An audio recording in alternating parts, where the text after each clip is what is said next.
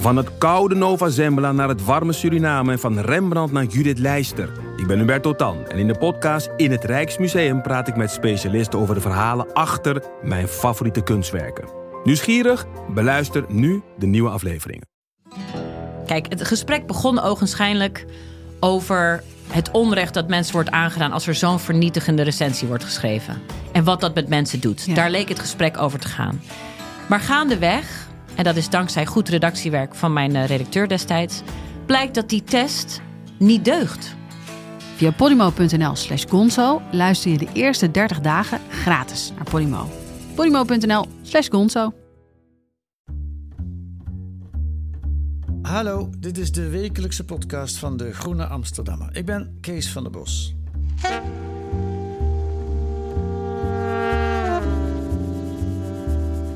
Vandaag staat een bericht in de krant over BOA's. Die willen pepperspray gebruiken. Of een wapenstok. BOA's, dat zijn buitengewone opsporingsambtenaren... die je overal in de stad kunt tegenkomen. Het is geen politie, maar ze mogen wel bekeuren. Ze mogen geen geweld gebruiken, maar blijkbaar willen ze dat wel graag. Erg duidelijk is het allemaal niet. Deze week in De Groene een serie artikelen over de beveiligingsindustrie. Want dat zit erachter. De overheid bezuinigt en allerlei bedrijven stappen in de markt. Kim van Keken en Diewertje Kuipers schrijven erover deze week in De Groene. En Kim zit thuis aan de telefoon. Dag Kim. Hoi. Hoi. Hallo. Hoi, het lijkt alsof we een beetje vertraging in de lijn hebben. Eh, maar je hoort mij wel? Ik hoor je heel goed. Ja, ja, die vertraging zal ik er dan telkens uit moeten knippen, vrees ik. Er is niks aan te doen. Eh hey, en je zit thuis aan de telefoon, want je was verkouden. Dus het was maar beter dat we elkaar niet in één ruimte ontmoeten. hè? Hoe is het nu met je? Heel goed. Ja, ik had gewoon een neusdingetje, zeg maar. Mhm. Wat je wel vaker hebt, maar je durft nu toch niet zo snel. eh nou, je moet zeker voor het onzekere nemen. Ja, ja, ja. Wat, wat, Deze betekent, tijden. Ja, nee, Ja, het is gewoon gek. ja. wat betekent corona voor jou eigenlijk? Op dit moment? Oef, wat betekent het voor mij? Nou, dat ik heel blij ben dat mijn familie nog gezond is. Ja. Ehm, en ehm, om me heen zie ik veel mensen die eh, heel onzeker zijn over de toekomst. Ja. Ik zelf eigenlijk ook als freelancer natuurlijk. Ja, ja. Want ja, je hebt een vitaal beroep. Hè? We hebben een vitaal beroep. Eh, dat wil zeggen, journalistiek werk gaat door. Maar hoe, hoe werkt dat voor jou als freelancer? Ja, eigenlijk wel goed. Ik heb het druk. Alleen ik vind eh, verhalen maken wel ingewikkeld. Eh, zeker ook reportages, omdat je mensen niet ziet. Ja. En ik vind gesprekken voeren met mensen die je niet ziet, dat is toch, ik vind dat toch heel ongemakkelijk. Eigenlijk dit ook. Ja, precies. zou liever bij je zitten. Ja, ja, we gaan er proberen het beste van te maken. Maar ik snap, je, Yes. ik, heb, ik ben het helemaal met je eens. Hey, even jou voorstellen, je bent freelancer. eh, ooit voor de Volkskrant als parlementair verslaggever begonnen. Bij Follow the Money heb je een tijd gewerkt. Eh, 2018 was je journalist van het jaar vanwege jullie onthulling. Jij met Erik Smit over VVD-voorzitter Keizer... die een crematiebedrijf nogal lucratief had overgenomen. En wat mij opviel op de site van Follow the Money... word jij, word jij een echte straatrat genoemd. Dat eh, herken je daarin? Nou, dat heb ik mezelf toegediend. Ja. Nou, ik vind niks leukers dan op reportage gaan. Dat is het Ja. mooiste van het vak. En dat mis ik nu ook wel. ja. Ehm. Ik maak nu voor de Groene ook een, een soort serietje hè, met, met gewoon kijken hoe corona valt. Niet zozeer corona op de IC, maar gewoon in de maatschappij. ja. Uh, ik heb net een reportage gemaakt over het aardbevingsgebied. En dan uh, vind ik het toch lastig om er niet naartoe te kunnen. Dus daar wil ik Ja. toch wel gaan kijken of dat toch niet kan binnenkort. Een echte reporter ben jij. Ja, En een onderzoeksjournalist. Want dit is wat je, dit werk, nou, dat heb je al veel eerder laten zien, maar dit is ook een, een flink onderzoek. Eh, wat je niet alleen gedaan hebt, sowieso het artikel heb je met Dievertje Kuipers samengeschreven. Maar vertel even, dit onderzoek is een samenwerkingsverband. het is een samenwerkingsverband. Alleen uh, dus met uh, Lise Witman onder andere. Uh, Van? Met, wat, die is van Follow the Money en ook de Groene Amsterdammer. Dus zij komt met een volgende serie. Ja, we doen natuurlijk met Quote, het zakenblad. ja. En een vandaag is een van onze partners, maar helaas door de coronacrisis. ja, Uh, ja, ze hebben gewoon elke dag coronanieuws. Ja, Alleen. ja. Dus uh, het is een beetje weggevallen. Ja. Uh, maar we gaan vast nog in de toekomst wel wat doen. Maar hoe moet ik me dat voorstellen? Dat jullie met een team van vier, vijf mensen hier aan samen gewerkt hebben? Ja, ja nou, nou, we hebben de teams een beetje verdeeld. Kijk, Lise zit natuurlijk vanuit Brussel. Eh, en we hebben met eh, twee collega's van KNAK, van het Belgische KNAK, wel veel informatie gedeeld. Ja, Uh, en Diewertje en ik werken dan vooral samen, zeg maar, als team. oké. En dan, hoe start je zo'n onderzoek op? Eh, wa- Wat was de, de reden om met een onderzoek naar de beveiligingsindustrie te beginnen? De reden was heel simpel eigenlijk. Dat op mijn kantoortje destijds... ehm, ik, ik huur een kantoortje waar ik af en toe tik. Torpedo, dat bestaat helaas niet meer. Ja. Eh, daar wa- waren twee zussen, de zussen van Velsen, bezig met een documentaire, Private Prison, over een gevangenis in Zuid-Afrika. Ja. Ehm, en die werd gerund door G4S. En toen dacht ik, hé, hey, G4S, die ken ik. Eh, Want die zijn betrokken bij de Schipholbrand. En ja, ja, ik weet niet, we hebben gefilosofeerd met biertjes en over... Zij willen altijd meer doen met een docu dan alleen maar brengen, zeg maar. Eh, ze hebben bijvoorbeeld eh, ook hele mooie docus gemaakt in Congo. Ja. Eh, daar hebben ze ook Gouden Kalf mee gewonnen. Eh, En dat materiaal willen ze niet alleen maar laten zien op, eh, op een festival hier in de grachtengordel. Maar ze willen het ook echt dat het impact heeft. Dus wat we toen hebben gedaan is een rijdende bios maken met dat materiaal. Wat? Wat weer terug gaat, een rijden- rijdende bioscoop. Ja, Wat echt door heel Congo rijdt. Om mensen voor te lichten over seksuele intimidatie. oké. Eh, dus zij gaan altijd een stap verder, denken ze, dan alleen de docu op zich. En zij, wie was zij ook weer? Eh, Femke en Ilse van Velzen. Van? Eh, ja, zij zijn gewoon zussen. Zij doen alles zelf. Oké. Dat is heel bijzonder. Echt van ehm, eh, productie tot... zij maken echt alles zelf. Daarom doen ze ook vijf jaar over een docu gemiddeld. Oké, oké. En via hen kwam je bij G4S. Daar gaan we daar nog veel meer over horen. Omdat G4S een bedrijf is wat ook in Zuid-Afrika gevangenissen eh, beheert. Eén gevangenis. We hebben daar een private gevangenis. Ja. En eh, daar is echt sprake van mensen, hè, mensenrechtenschennis, martelingen. Ja. Eh, daar hebben zij een documentaire over gemaakt. Eh, maar hoe langer we over G4S praten, hoe meer we dachten... het is echt een soort veelkoppig monster. Want eh, ja, dan ga je in je avonduurtjes eens een keertje een beetje googlen en zo. En dan denk je, hè? G4S zit gewoon op de zorg te bieden hier in de Hollandse kroon, weet je wel? Gewoon Ja. de ouderenzorg. Eh, Ja. en in één keer ga je erop letten en dan zie je ze overal. Uh, en dan blijkt het gewoon uh, een van de grootste private werkgevers te zijn ter wereld. Met 540.000 medewerkers. Jeetje, ja. Ja, ja. daar begint eigenlijk de interesse, omdat je dan denkt: wat weten we eigenlijk weinig over dit bedrijf? Ja, ja. Hoe kan het dat zo'n groot bedrijf dat zo relatief uh, uit de picture blijft? Ja. G4S heeft een reclamefilmpje op de site staan, die, daar schrijven jullie ook over. En uh, daar horen wij uh, tot mijn verbazing de burgemeester van Almere, Annemarie Jorritsma, hen aanprijzen. Ik wil even een stukje van dat filmpje laten horen.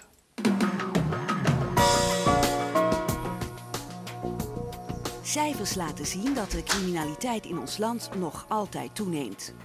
Dan is goede beveiliging geen overbodige luxe.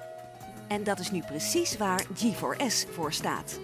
G4S is dé partner op het gebied van veiligheid en beveiliging. En toen kwam G4S op een uh, brainstormavond bij mij thuis met deze gedachte van we moeten iets gaan doen met camera's. Uh, en nou op een hele innovatieve manier. Dat ja, de potentiële boef, als ik hem zo mag noemen, uh, die meldt zich ergens op het bedrijventerrein. En ja, en voordat hij de kans krijgt het hek over te springen, hebben we hem al bij bij de kladden. Zo moet het gaan. En we balanceren precies op de grens van de wet. We zoeken ook echt de grens van de wet op. Uh, maar ik ben er echt van overtuigd dat dat, dat ook moet. Vooral ook omdat de G4S zelf heel erg bezig is met innovatie. En zeker voor de beveiliging zijn de mogelijkheden ongekend. Uh, daar moeten we echt mee verder. Annemarie Jorritsma, die heeft er wel zin in. ja. Kan dat eigenlijk, dat de, de burgemeester op zo'n site reclame maakt voor het bedrijf? Ja. Ja, het kan. Ja, we hebben het er natuurlijk voorgelegd. Zij ziet dat anders. Ja. Zeg maar. Hoe ziet uh, zij het? Uh, nou, zij zegt die brainstorm sessie sowieso. Hè, dat is heel vaak thuis. Uh, en G4S was een van de mensen die daar ook een brainstorm sessie had. Mhm. Over dat filmpje aan zich zet, zegt ze niet zo heel veel hoor. Mhm. Maar ik vind überhaupt ook het feit dat je de grenzen van de wet opzoekt voor een bedrijf. Ja. Vind ik zij heeft ook echt de algemene plaatselijke verordening aangepast om dit mogelijk te maken. En uh, je moet je voorstellen dat het bedrijventerrein is ook openbare weg. Dus je geeft bedrijven toestemming om te filmen op de openbare weg. Ja, en het bedrijventerrein in Almere wordt beheerd door G4S. Ja. Samen met de politie, neem ik aan. Ja, het is een soort samenwerkingsverband. Eh, en daarnaast is dus, ehm, hebben ze ook 55 BOA's gekregen. Daar kom ik zo op. Oké, ja. Nee, maar dat betekent volgens mij met die bedrijventerreinen, dat is in, in, in heel veel bedrijventerreinen in Nederland is dat al zo. Hè? Dat die door particuliere beveiligers beveiligd worden. En dat die samenwerken met de politie. Ja, ja. En op zich, weet je, er is ook niet meteen iets mis mee. Hè? Maar het gaat erom, je zoekt de grenzen van de wet op. Ja. Om eh, in de openbare ruimte te filmen. Eh, en de vraag is, wat gebeurt er met die beelden? Ja.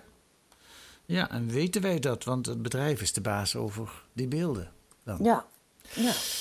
Die BOA's, want daar begon ik eh, mijn, mijn introductie mee. Die staan vandaag in de krant dat ze, dat ze zich bedreigd voelen. Want die moeten nu ook jongeren bekeuren die in groepen bij elkaar zitten. En dat mag niet vanwege corona. En de jongeren beginnen daar eh, genoeg van te krijgen. Er zijn een paar BOA's in elkaar geslagen. Eh, in verschillende plaatsen is er agressie.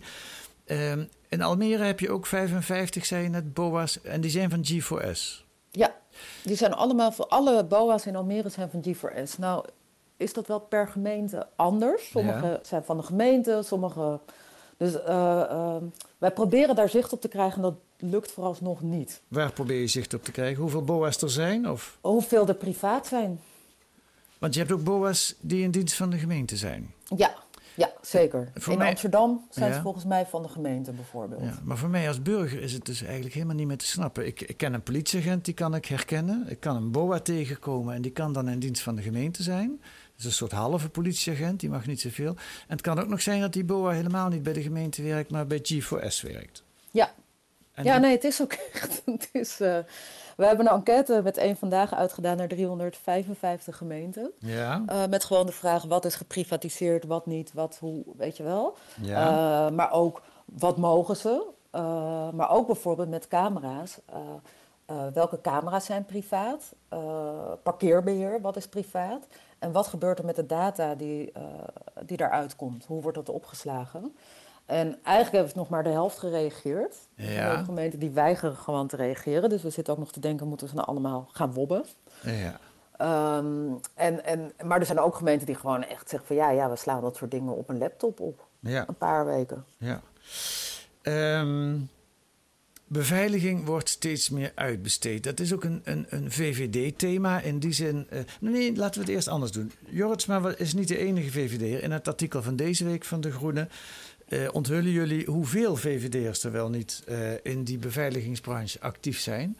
Eh, ik ga daar een aantal van hen laten horen. En dat heb ik dan van sites gehaald van de Nederlandse veiligheidsbranche. En we horen achterin volgens Letitia Griffith, oud Tweede Kamerlid voor de VVD en een tijd lang voorzitter van de Nederlandse veiligheidsbranche. Oud-burgemeester, ook VVD'er, burgemeester van Eindhoven, Sakkers, die lid is nu eh, of was van een taskforce veiligheid. Er horen twee oud-ministers opstelten die op een of andere beurs een, leuke scan start. En we horen Van der Steur, die, eh, de, de laatste oud-minister die nu voorzitter is van de Nederlandse veiligheidsbranche. Dus kijken wat zij allemaal te melden hebben. De Nederlandse Veiligheidsbranche is een eh, werkgeversorganisatie. Je moet dan denken aan, eh, net als eh, VNO-NCW. Wij vertegenwoordigen 90% van de werkgevers en hebben een omzet van eh, 1,45 miljard. Bij de branche werken ongeveer 30.000 medewerkers. Het is wezenlijk van betekenis dat wij met z'n allen ons committeren uitgaande van onze eigen kwaliteit, publiek en privaat. De tijd is lang voorbij dat eh, de gedachte van vadertje staat regelt het wel eh, nog valide kon zijn.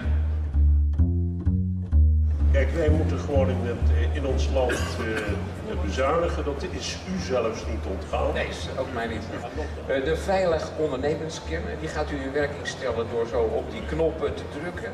En de veiligheidsscan is gestart. Het zijn, eh, zoals we dat dan zeggen, grote schoenen om in te kunnen stappen. Maar Ja. ik ga het met plezier en met eh, volle overtuiging doen.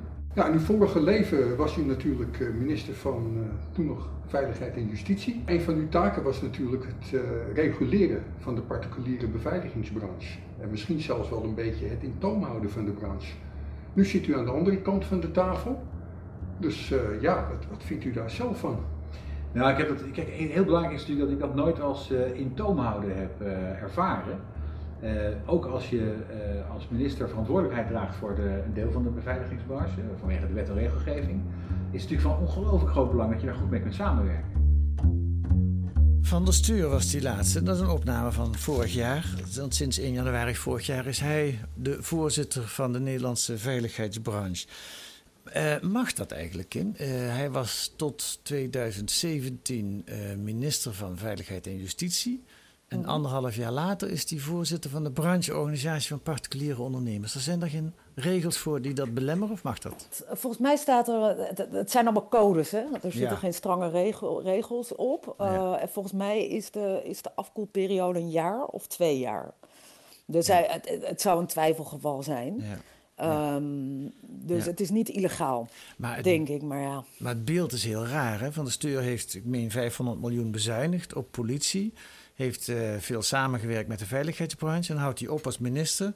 En die, die, uitgeklede politie moet zijn werk doen en dan gaat hij vervolgens voor die veiligheidsbranche lobbyen om die taken van de politie uit te mogen voeren. Ja, ik vind, ik vind dat wel opmerkelijk, ja. ja.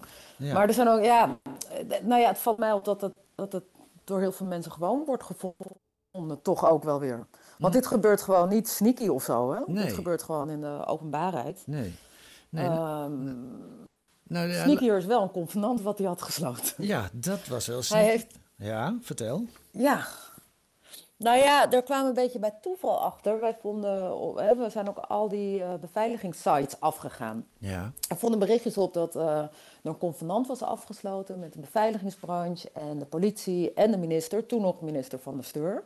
Dus Griffith, uh, ook een VVD'er, was toen voorzitter van de veiligheidsbranche. Ja. Het is best wel een ingewikkeld web trouwens hoor. Ja, ja. Uh, maar die hebben een convenant getekend. Uh, om zoveel mogelijk data te delen eigenlijk. Uh, en wie deelt sensing, wie, via sensing. Ja, de politie met die particuliere beveiligers neem ik aan.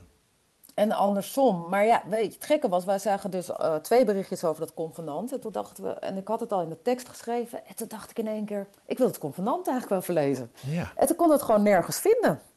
Oh. Er was geen convenant. Dus toen belden we naar het ministerie van ja, we willen graag dat convenant zien. Toen kregen we een A4'tje, gewoon een Word-documentje van dit is het convenant. Maar toen vroegen wij dus van, maar wanneer is het dan openbaar gemaakt voor de Kamer?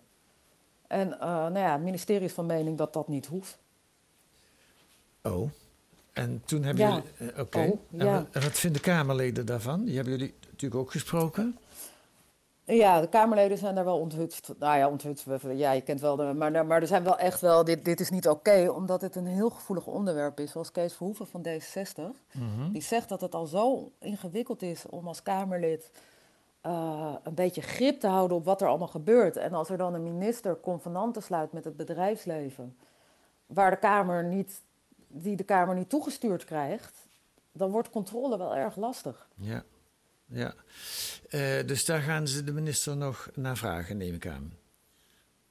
Ja, de SP heeft al Kamervragen gesteld. Volgens mij D60 gaat het nog doen. Ja. Ja. Uh, en vooral ook de vraag hoeveel van dit soort afspraken zijn er nog meer gemaakt. Ja. En wat is eigenlijk de, de zin of de inhoud van dat convenant? Ik bedoel, ze hebben al gewoon afspraken dat ze BOA's kopen van die beveiligers en dat ze de bedrijfsterreinen laten beveiligen. Uh, nou, ik weet niet wat er nog meer gebeurt in Nederland, maar wat, wat is er dan extra in dit convenant geregeld?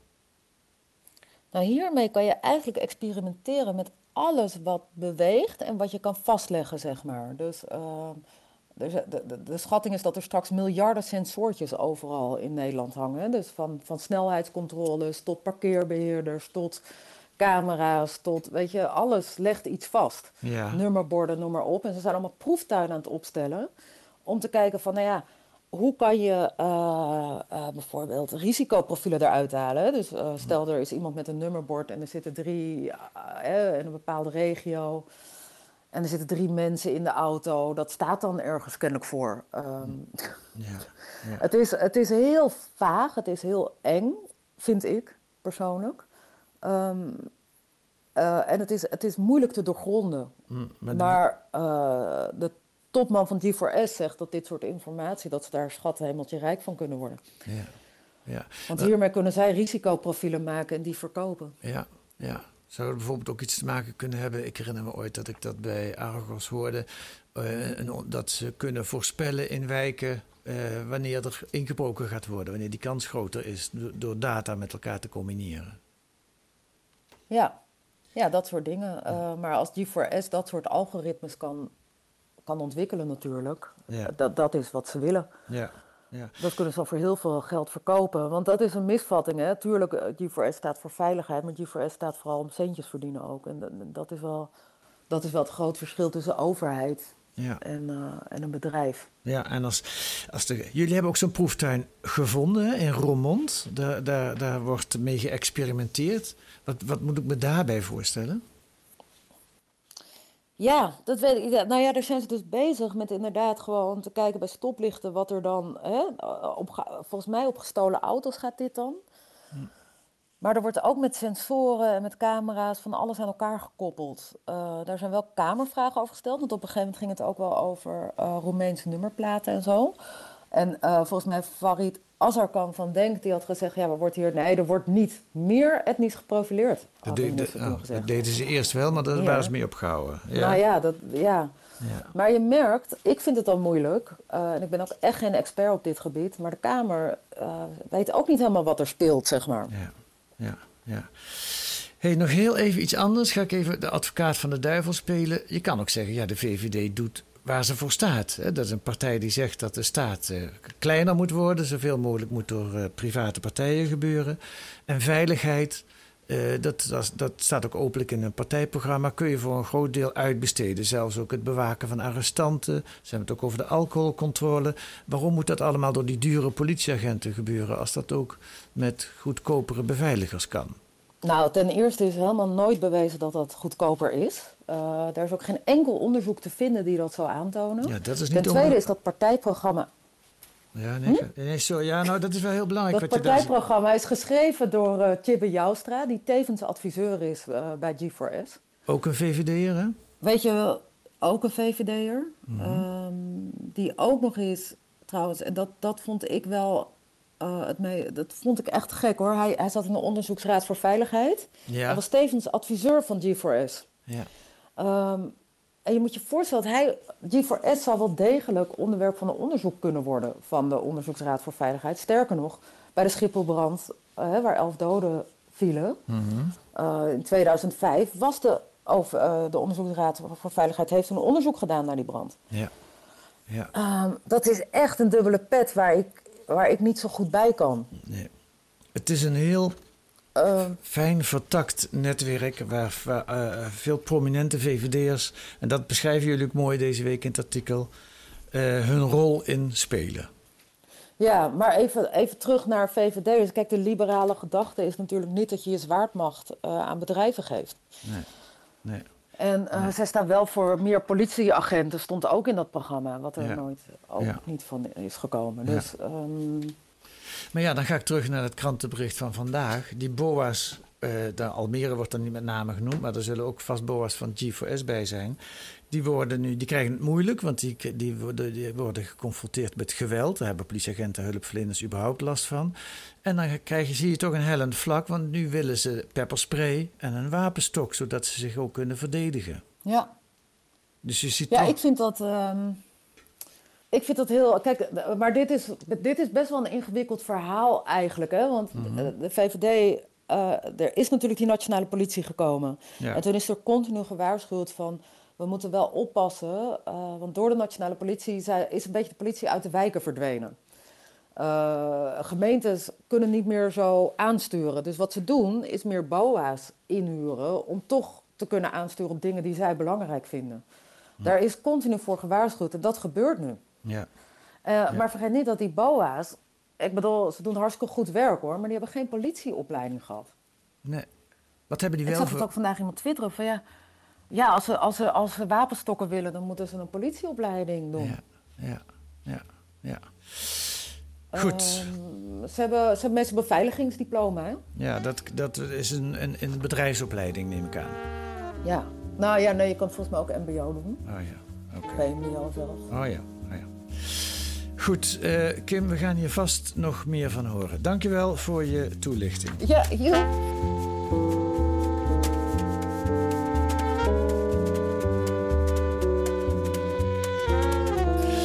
Deze week te lezen in De Groene Amsterdammer.